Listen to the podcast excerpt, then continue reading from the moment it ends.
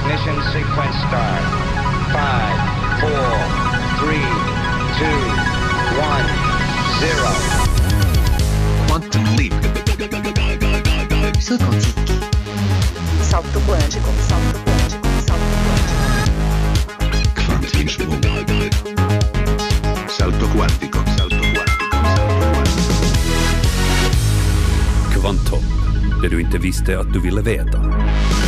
Morgens på er bara härifrån Kvanthopp-studion än en gång. Eller nu ljuger jag faktiskt lite för jag sitter just nu ute i min egen trädgård i Esbo så att välkomna ska ni vara hit. Trevligt jobb jag har när man, när man får, får njuta av solen samtidigt som man jobbar. Markus Rosenlund heter jag i alla fall och vet ni, idag bär det av uppåt med fart. Vi ska ta oss upp ovanför marknivå rejält i dagens program med helikoptrar till exempel. Vi ska uppmärksamma de här små så kallade multikoptrarna eller drönarna som blir allt vanligare. Framförallt bland fotografer. Själv extraknäcker jag då och då som fotograf och medger att en sån där radiostyrd multikopter skulle nog sitta ganska bra in i prylarsenalen men de är tyvärr ganska dyra så jag får nog ta och spara ett tag till. Men också andra än fotografer har förstås nytta av multikoptrarna, energibolagen till exempel och vetenskapen såklart. Idag används de små obemannade helikoptrarna till en mängd olika saker, bland annat inom forskningen. På forskningscentralen VTT har man ett projekt där man har utrustat en liten helikopter med värmekamera och har sen gett den i uppgift att flyga runt över stora solkraftverk med hundratals solpaneler, som till exempel i Grekland. Mer om det här om en stund här i Kvanthopp. Så ska det bära raka vägen upp för väggen idag också, den gröna väggen närmare bestämt. Det är sista skriket inom arkitekturen just nu, sägs det. Marga Sandström besökte Hanken i Helsingfors. Där har de en grön vägg. Jag vet inte om du märker det, men jag Ja. märker åtminstone som om det skulle komma en frisk fläkt Ja. här. Jag vet inte, är- jag och inbillar nej, mig? nej det, det är en ganska vanlig kommentar, eller folk kanske blir faktiskt överraskade.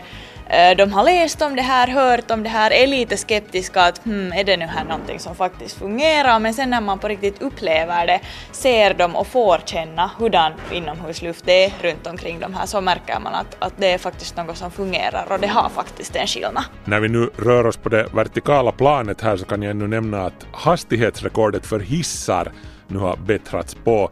Det är japanska Mitsubishi Electric som meddelar att man höjer farten i en av de snabbhissar som just nu byggs i Kinas högsta byggnad, Shanghai Tower, från 64,8 km i timmen till 73,8 km i timmen. Det här gör det möjligt för dig att ta dig upp från marknivå till 119 våningen på 53 sekunder. Totalt har den här byggnaden 128 våningar och sträcker sig 632 meter upp i skyn. Oj, vet ni, nu fick jag plötsligt den där sugande känslan i magen som man får på Borgbacken när Space Shot slungar en upp i skyn. Jag vet inte om jag ändå hellre skulle ta trapporna. Eller å andra sidan 119 våningar. Mm. Nej, vet ni, när den hissen nu en gång finns där så.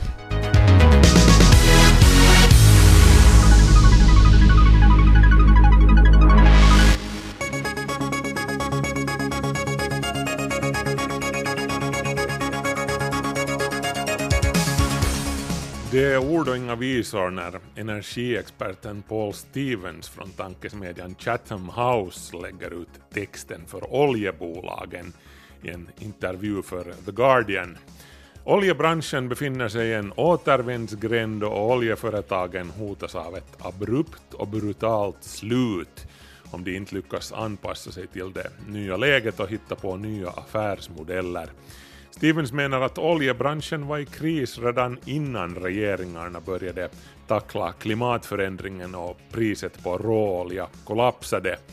Nu är läget ännu värre. Branschen är döende, säger Stevens.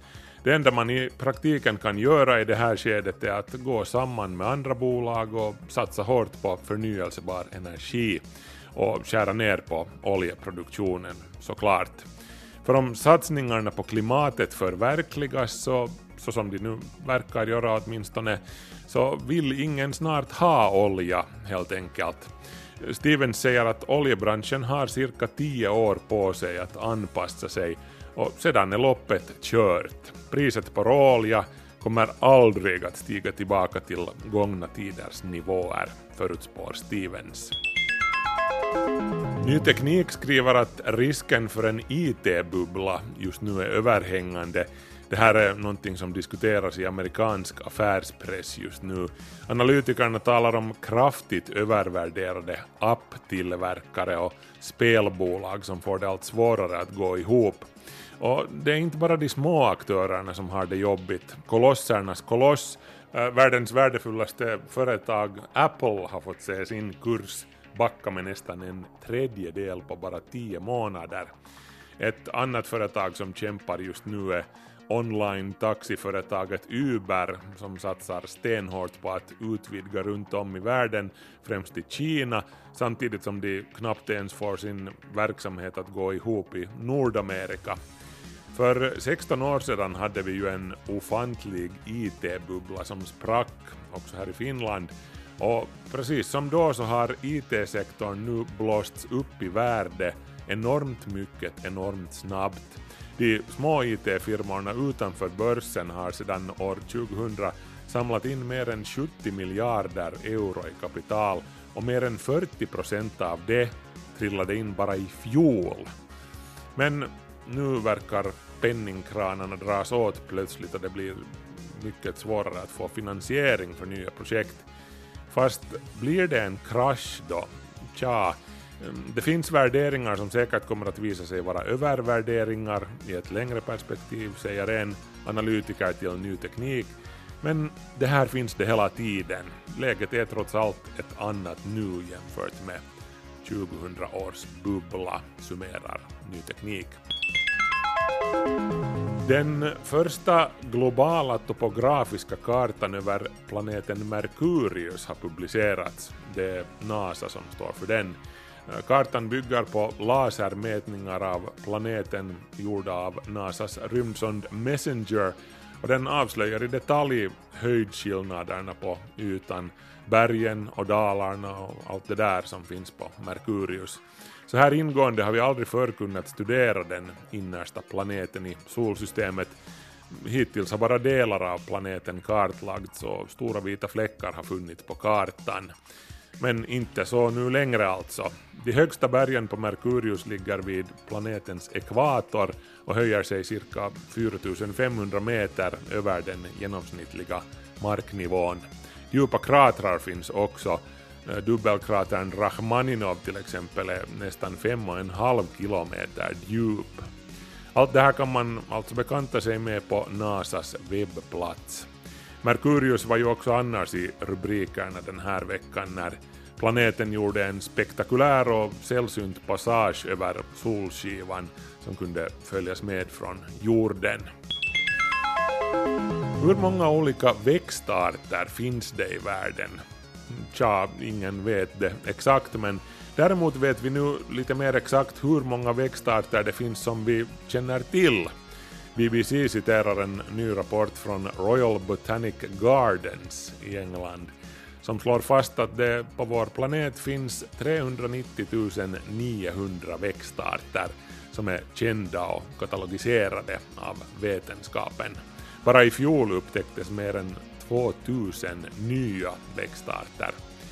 Av de nästan 400 000 kända växtarterna är 370 000 olika sorters blommor.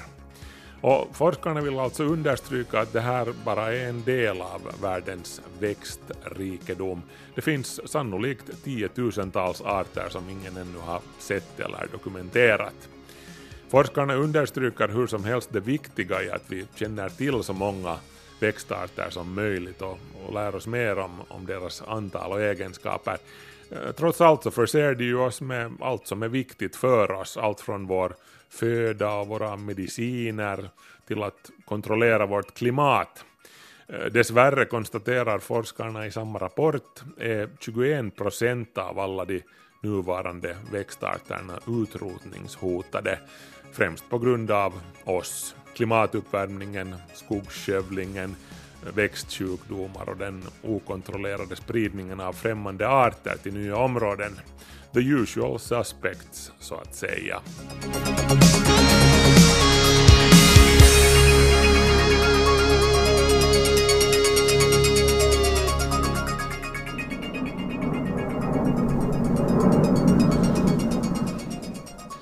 Här i Domsby i Esbo kommer 1348-planet till Helsingfors vann det just inför landning här ovanför.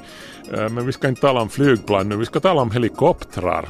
Så är det att man har börjat se drönare, obemannade minihelikoptrar dyka upp både här och där. Och ett område där de har flugit in på allvar är på forskningens. Forskningscentralen VTT hör till dem som har olika tillämpningar med obemannade helikoptrar.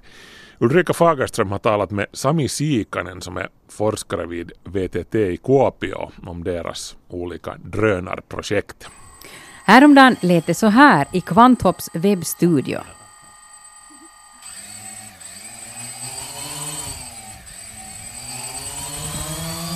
Det här är en obemannad helikopter som startar från studiobordet inne i webbstudion. Joakim Kalé, som är på plats för att demonstrera tekniken, har fullt upp med att hålla reda på farkosten så att den inte ska flyga in i våra TV-skärmar strax intill. Och själv vill jag för egen del heller inte få propellrarna i ögonen faktiskt. Den här intervjun kan du titta på via svenska.yle.fi, till exempel via vår vetenskapssida. Idag används de små obemannade helikoptrarna till en mängd olika saker, bland annat inom forskningen. På forskningscentralen VTT har man ett projekt där man har utrustat en liten helikopter med värmekamera och har sen gett den i uppgift att flyga runt över stora solkraftverk med hundratals solpaneler, som till exempel i Grekland. Då en solpanel har gått sönder eller är felkopplad, då blir den varm i solen. Men då den fungerar, då är den hyggligt sval, för då omvandlas värmen till elektricitet. Med en sån här obemannad helikopter utrustad med värmekamera kan man då enkelt se vilka paneler som fungerar och vilka som inte gör det. Sen är det bara att fixa de som inte gör det. Är det här någonting som vi i Finland kommer att ha nytta av någon gång? Så här säger VTT-forskaren Sami Siikanen via Skype i Kuopio. No nyt kun Suomeenkin valmistellaan tällaisia isoja, jopa megawattiluokan aurinkovoimaloita, niin tuota, meillä on tämä teknologia valmiina, mikäli, mikäli näissä voimaloissa on tällaisia ongelmia. Kaikissa voimaloissa ei ole kuitenkaan ongelmia, mutta, mutta yleensä ää, voimalan rakentamisvaiheessa nämä ongelmat ilmenee, jos niitä on. Mm. Uskot sä itse, että tulee just näitä isoja vastaavalaisia Suomeen? Kyllä mä uskon, että jonkin verran niitä tulee. Ei ehkä siinä määrin, mitä tuolla ulkomailla on. Jo, antagligen får vi också solkraftverk till våra breddgrader, om än inte lika många som i Sydeuropa. Men då kan man också kolla våra solkraftverk på det här viset.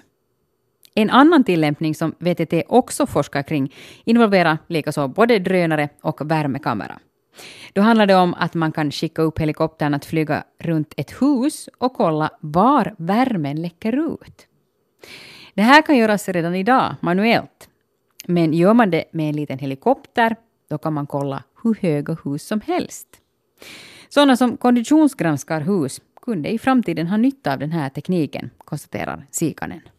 Ää, palvelun tarjoajat, jotka, jotka tuota, tekee tällaisia kuntokartotuksia, niin käyttää jo nykyäänkin lämpökuvausta rakennusten ää, ilmavuotojen, lämpövuotojen havainnoinnissa. Ja nyt jos tähän yhdistetään tämä, tämä kopteriteknologia, miehittämättömät ilma-alukset, niin tätä samaa voidaan tehdä myös isommissa rakennuksissa, kerrostaloissa esimerkiksi ja ää, hyvinkin tehokkaasti.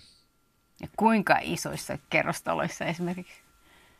No tarvittaessa vaikka, vaikka pilvenpiirtäjiä tällä, tällä tekniikalla pystyy hoitamaan, että, että ne on tietysti sitten sellaisia kohteita, mitkä vie pitkään myös tällaisella mittausratkaisulla kartoittaa, mutta on periaatteessa mahdollista. Till och med skyskrapor kunde kontrolleras med en obemannad helikopter. Det skulle naturligtvis ta en stund, men det skulle vara möjligt. Nåja, men det slutar inte här. Nej, VTT har ännu fler forskningsprojekt som involverar både obemannade farkoster, de här små helikoptrarna, och eh, lite ny teknik. Och vi ska ta ännu ett tredje exempel. Det här går ut på att utrusta helikoptern med en hyperspektral kamera. Det här funkar så, förklarar Sikanen, att varje ämne på jorden bryter ljusvågorna på olika sätt. Och med hjälp av hyperspektral bildtagning så kan man omvandla de här skillnaderna till konkreta bilder.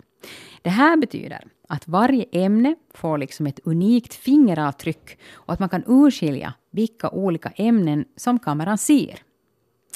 I det här projektet flyger alltså helikoptern över en odling och kan med kameratekniken slå fast om det finns mineraler i jordmånen eller föroreningar. Den kan fastställa om en skörd är mogen eller inte, eller om där finns skadeinsekter. Framtidens bonde kan alltså lägga upp fötterna på soffbordet och ta det lugnt medan helikoptern är ute och granskar åkrarna. Maanviljelijät voisi ostaa tällaisia palveluita ja meillä on valmisteilla hanke just, jossa kehitettäisiin maanviljelijöille tällaista automaattista ää, tuotetta, robottituotetta, joka toimisi tämän viljelijän apuna tällaisissa tilanteissa. På gång finns en robot som kunde vara jordbrukarens högra hand. Men innan den är klar tar det nog ännu flera, om inte många, år. Se on vasta tutkimusasteella, että, että ylipäätään me ollaan haettu sille rahoitusta, ja jos me saadaan rahoitus, niin se kehitystyö on useiden vuosien mittainen.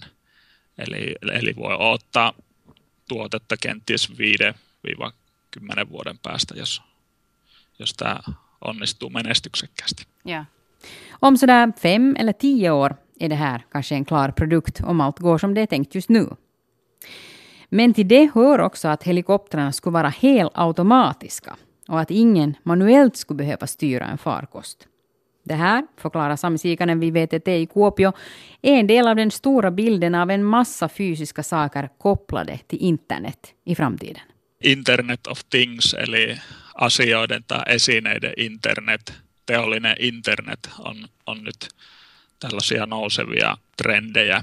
Ja tota, ne tarjoaa mahdollisuuden liittää nämä mittaukset ja kuvantamiset verkkoon ja yhdistää niiden tietoja muihin tietoihin, esimerkiksi sääasemadataan tai rakennusten automaatiojärjestelmien muodostamaan dataan tai aurinkovoimaloiden itsediagnostiikkaan.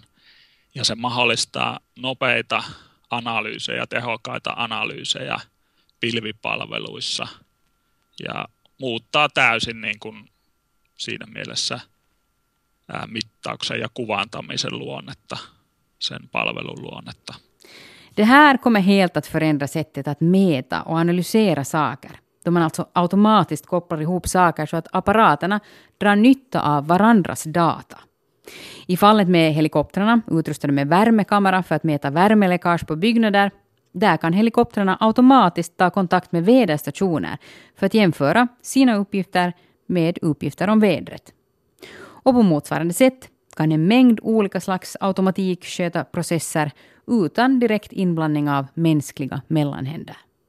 Voidaan käyttää myöskin parvia, eli kopteriparvia yksittäisten kopterien lisäksi mm. tulevaisuudessa.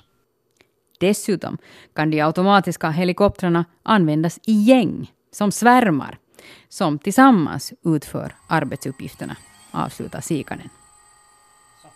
Hur som helst, mycket spännande på gång. Och en del av det är också kanske ganska spookigt. Tycker jag åtminstone. Du kan få se filmmaterial som Sami Sikanen och hans kollega har tagit från Grekland och de här solpanelerna om du klickar dig till Kvanthopps webbstudiomaterial som du hittar på svenska.yle.fi, till exempel via vår vetenskapssida. Där ser du också Joakim Kalé flyga sin helikopter inne i vår studio och så tittar vi på fina bilder som han har spelat in med hjälp av då sin farkost, både privat och för olika TV-inslag här på YLE. Det var Ulrika Fagerström som var reporter i det inslaget och du kan alltså surfa iväg till svenska.yle.fi vetenskap så får du se med egna ögon när Svenska Yles Joakim Kalé flyger med sin drönare i Kvanthopps webbstudio. Kvanthopp, det du inte visste att du ville veta. Något tag på 1980-talet insåg man vid NASA i USA att människor mår bättre i utrymmen där det finns grönväxter. Nåja, andra hade ju märkt samma sak tidigare också men kanske det är speciellt viktigt på platser som rymdstationer där det är långt till närmaste skog. Nå, det här med gröna inslag inom arkitekturen är hur som helst någonting som man funderar på också här på jorden också just nu. Som företaget Nature Vention till exempel, de har kombinerat naturens egen kraft med modern teknologi och skapat gröna väggar som ska rena inomhusluften. Så här beskriver de i alla fall själva sina produkter. Eh, vi gick iväg till Svenska Handelshögskolan i Helsingfors eh, för att se med egna ögon att stämmer det här att har de här gröna väggarna faktiskt en sån effekt på inomhusluften som, som det påstås. Margot Sandström gick iväg till Hanken. När jag stiger in i Svenska Handelshögskolans eller Hankens bibliotek så möts jag av en frisk bris. Det känns som det skulle, jag vet inte om du märker det, men jag Ja. märker åtminstone som om det skulle komma en frisk fläkt Ja. här. Jag vet inte, är- jag och inbillar nej, mig? Nej, det, det är en ganska vanlig kommentar, eller folk kanske blir faktiskt överraskade.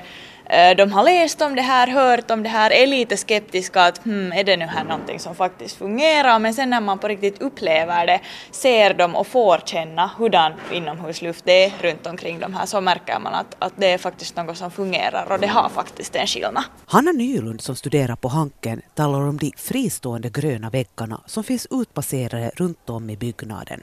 Alltså en modul som är en meter bred och två meter hög där 20-tals, 30-tals gröna växter som gullranka och åsneöra växer och frodas. Uppe i hörnet av modulen finns en fläkt varifrån den friska luften strömmar ut i rummet. Yksi tämmöinen tosiaan naava, naava vastaa ää, 4000 kasvia ilmanpuhdistusteholtaan. Sen takia se, se tu, semmoinen raikas tuulahdus saadaan aikaiseksi. Redan på 1980-talet har man vid NASA undersökt hur gröna krukväxter påverkar luftkvaliteten i ett hus. Och med de här undersökningarna i bakfickan började företaget Nature Vention själva utveckla ett mer teknologiskt grönväggsystem, berättar grundaren och VDn Aki Soudunsaari.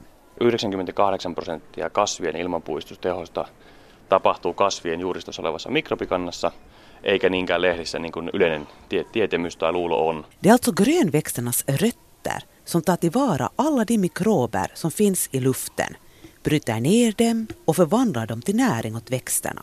Företaget Nature Venture har sedan utvecklat en teknologi som förbättrat den här naturliga nedbrytningsprocessen. Enligt Aki Soudunsaari ska en sån här modul ha samma effekt som om man hade 4000 gröna krukväxter i ett rum. Eli esimerkiksi tämä ruukku, missä nämä kasvit kasvaa, niin on suunniteltu ilmanpuhdistukseen. Eli ilma imetään täältä kauluksen kautta. Täällä tosiaan ilma kohtaa tämän meidän kasvumedian, missä ei ole multaa, missä aktivoidaan mikrobia biologisesti ja kemiallisesti. Eli me pystytään kustomoimaan jokaiselle kasville hyvä, hyvä elinympäristö.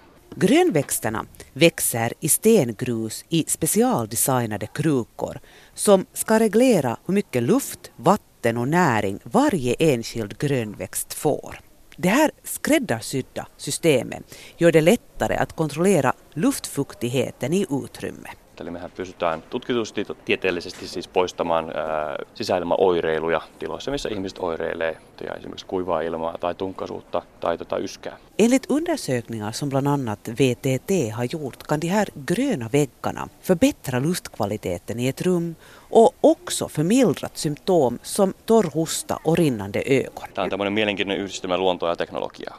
Genom att man har kombinerat krukväxternas egen kraft med tekniska lösningar har man lyckats skapa den här perfekta växtplatsen för flera olika typer av grönväxter som lämpar sig för vattenodling. No me on tutkittu yli 60 eri kasvilajia, että miten tämmöisessä järjestelmässä pystyy, missä tosiaan yhdistetään ilma- ja vesiviljelyä. Företaget har själv utvecklat en växtbastu där de gått igenom runt 60 olika grönväxter för att se hur de lämpar sig för den här sortens teknologisk vattenodling. Idag har de lyckats ta fram 12 stycken olika grönväxter som har både en luftrenande egenskap, och lyckas överleva i en konstgjord miljö. Me käytetään noin 12 eri kasvilajia siellä, mitkä sitten toimii tässä järjestelmässä hyvin ja sitten selviää tästä Suomen Pohjolan luonnosta, missä luonnonvaloa ei se puolet vuodesta ajasta oikein hirveästi ole. Tavat. Sen takia me on kehittynyt myös muun muassa tämä LED-valaistus, joka, jossa matkitaan luonnonvaloa ja luonnonspektrejä. Företaget Nature Venture använder så kallade smarta trädgårdsmästare. Det vill säga växterna sköts i huvudsak via nätet. Meidän yleisideahan on se, että miten luonto voidaan tuoda sisälle. Että mehän tuodaan luonto tavallaan kasvien, tuon valon kautta sisälle, mutta sitten myös ilmanlaadun kautta ihmisten keuhkojen kautta aivoihin. Enligt företaget Nature Venture ska en modul med ett 30-tal grönväxter rena luften i ett rum som är ungefär 30 kvadratmeter stort. Och effekten blir ju förstås större ju fler moduler det finns i ett rum. Men vi tar oss tillbaka till Hankens bibliotek.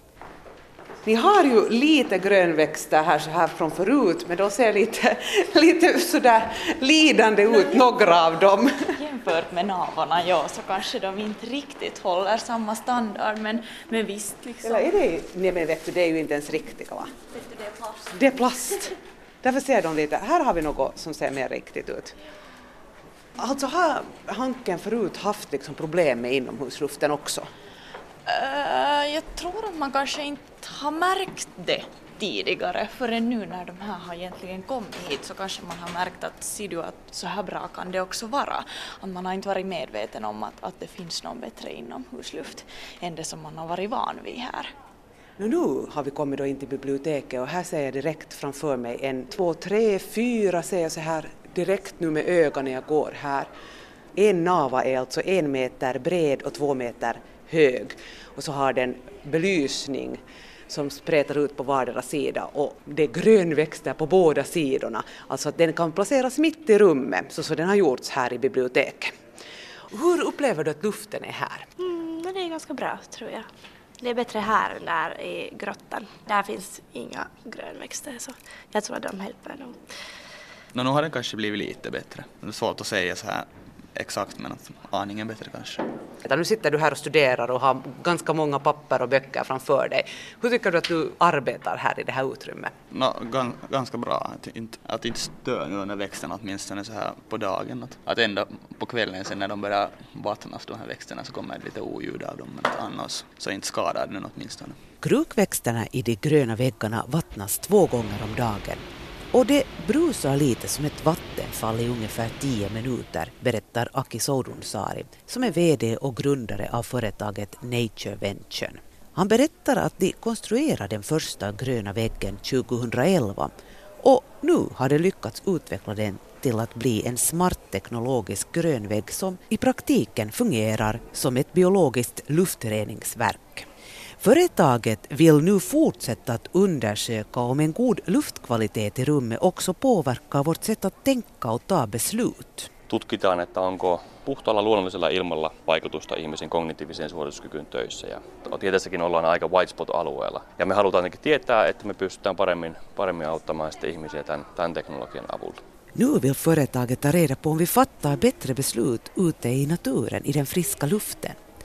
Inspirationen hämtade från Harvard School of Public Health som har studerat hur luftkvaliteten påverkar vår kognitiva tankeförmåga. Och i den studien visar det sig att sju personer utav tio fattar ett sämre beslut om luften har varit dålig i ett utrymme. Tämän niin kuin, vähän tämmöinen raflava ulostulo voisi olla siitä, että niin kuin, äh, huonossa sisäilmassa tai keskiverto huoneilmassa ei voida tehdä vaativia päätöksiä. Eli se vaikuttaa ihmisen toimintaan sen verran, sen verran paljon tuo ilmanlaatu. Det är en skrämmande tanke om det faktiskt är så att dålig luftkvalitet påverkar ens beslutsförmåga. Men när jag riktigt börjar tänka efter så föds åtminstone mina bästa idéer när jag vandrar ute i skogen. För att testa det här på ett lite mer inofficiellt plan valde Nature Venture att eh, kontakta Mensa och utföra ett IQ-test i utrymmen där gröna väggar finns. Hanna Nylund som studerar vid Hanken var med och organiserade det här evenemanget. Folk var jätteivriga om att få veta att, att hur smarta de egentligen är. Var någon och kommenterade att just de här gröna väggarna, var de och bidrog till att man blev mer intelligent? Uh, direkt har vi nog inte fått några sådana kommentarer men äh, jag tror att det kanske mera indirekt påverkar. Du kanske inte märker det just då när du skriver det där IQ-testet men äh, om vi till exempel tänker på studerande som, som till exempel till tentor, man spenderar ganska många timmar nere i biblioteket och läser och det där om du då med hjälp av de här navorna orkar sitta där och läsa 10 timmar istället för 5 timmar för att där är bättre luft så då anser jag nog att, att det har sen en påverkan också på det där tentresultatet. Och på det sättet så bidrar de här navorna med att, att du faktiskt blir lite smartare. Företaget Nature Venture fortsätter att undersöka hur luftkvaliteten påverkar vår tankeförmåga. Och de har därför inlett ett samarbete med en psykolog från London, berättar Aki Soudunsaari. Me tutkitaan tällä hetkellä sitä itse meidän tuotteilla, että meillä on, on tota noin kuukauden päässä tulossa tulokset siitä, että voidaanko parantaa ihmisten kognitiivista suorituskykyä töissä, eli, eli niin kuin oppimiskykyä, kykyä toimia hätätilanteessa tai, tai kyky tehdä strategiaa tai vaikeaa päätöksiä. Undersökningen kommer att göras i tre liknande utrymmen. Ett vanligt öppet kontorslandskap där det inte finns några växter, ett kontor där det finns vanliga krukväxter och till sist ett utrymme där företagets gröna växtväggar finns. Tanken är att främst se hur de här gröna väggarna påverkar vår kognitiva tankeförmåga, berättar Aki Soudunsaari. Me halutaan myös niin kuin selventää tässä vaiheessa, onko sillä oikeasti vaikuttanut niin virkistymiseen ihmisen, ihmisen kognitiivisen suorituskykyyn, koska me on saatu paljon palautetta, että, että heille ei tule sitä niin kuin kokousväsymystä, mikä monesti tulee, kun ilma huononee jossain, jossain tota pienessä ää, kokoushuoneessa, missä on paljon porukkaa. Efter att företaget fått höra att kunderna upplever att de orkar arbeta en längre tid i utrymmen där de här gröna väggarna finns, var inte steget långt att satsa på en ordentlig undersökning. Och om en månad så klarnar det vad resultatet kommer att visa. Kaksi kolmassa tutkimuksesta on tehty ja, ja viimeinen, viimeinen kolmassa tulee tuossa kuun lopussa, lopussa ja me saadaan toukokuun aikana meidän tutkimuksen tulokset sitten ulos. Halutaan, halutaan tehdä terveellisestä ilmasta äh, ihmisoikeus. Det sa Aki Soudunsaari, VD för Nature Venture-företaget. Reporter var Marga Sandström. Ja, och vi kan nämna att Hanken har alltså haft de här gröna väggarna i snart ett år. Kvanthopp, det du inte visste att du ville veta. Nu är det dags för ett färskt avsnitt av vår serie om E-numren. Kvanthopp presenterar veckans E-nummer. Och veckans nummer är E123 Amarant hör till gruppen ats och färgämnen och för att undvika förvirring så ska vi kanske genast konstatera också att färgämnet amarant inte ska förväxlas med växten amarant eller växtsläktet amarant. Amarantväxterna hör till våra äldsta odlingsväxter. De kan jämföras med ris och majs och har odlats av människor i minst 8000 år. Amarantfrö hörde till stapelfödan för bland annat aztekerna. Färgämnet amarant, det som används i modern tid, det har däremot ingenting gemensamt med växten amarant än att färgämnet har lånat sitt namn från amarantfröets röda färg. Amarant har aldrig ens tillverkats av växten amarant utan det har ursprungligen tillverkats av koltjära men numera så får man det som en biprodukt inom olika processer i den petrokemiska industrin. Amarantväxten är alltså nyttig och riktigt sympatisk men färgämnet amarant E123 ska du helst undvika om du kan. Och det är ganska lätt att undvika det numera för det är förbjudet nästan överallt utom inom EU och också här är det nästan helt bannlyst numera. Till undantagen hör bland annat kaviar som säljs i Frankrike och Italien. Den får man färga med amarant. Det sägs få den att se fräschare ut eller någonting sägs det. I Sverige säljs det också stenbitsrom som är färgad med amarant. Tanken där är att det inte är riktat till barn och då är det inte så farligt. Eh, amarant har nämligen befunnits orsaka beteendestörningar hos barn, eh, främst hyperaktivitet men också sömnstörningar, koncentrations och inlärningssvårigheter med mera. Hos vuxna kan amarant orsaka olika sorts eksem som nässelutslag och irriterade slemhinnor, speciellt om man råkar ha kläder som är färgade med amarant, vilket också förekommer. USA har haft totalförbud mot amarant sedan 1976 efter att det lokala livsmedelsverket FDA listade det som carcinogent. Också sovjetiska studier från den här tiden påtalar cancerriskerna som är förknippade med amarant. Eh, astmatiker ska vara försiktiga med amarant eftersom det får bronkerna, alltså luftrören, att dra ihop sig och kan därmed orsaka eller förvärra astmatiska anfall. EU-parlamentet har käbblat om amarantets vara eller inte vara i flera år, åtminstone sedan 2008, och miljöutskottet där har röstat för ett totalförbud mot användandet av amarant inom EU. Men i brist på beslut så har flera länder, bland annat Storbritannien och Danmark, gått in för att självmant fasa ut amarant i livsmedel. Fast i England så säljs det fortfarande rätt mycket vätskeformade C-vitaminpreparat som är färgade med amarant. Det förekommer också som färgämne i olika drinkar och till och med glass. Eh, så kan vi också nämna att den finländska opera hårdrocksgruppen Nightwish har skrivit en låt om amarant.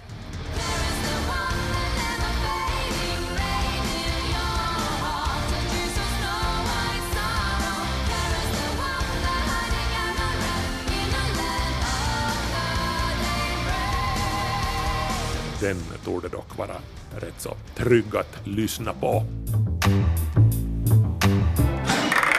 Du har hört Kvanthopps E-nummerlotteri, E123 Amarant. Nästa vecka drar vi ett nytt tillsatsämne. Och det var det, vet ni. Kvanthopp är slut för den här veckan. Markus Rosenlund och den övriga redaktionen tackar för sällskapet. Vi hörs om en vecka. Ha det bra. Domsby out.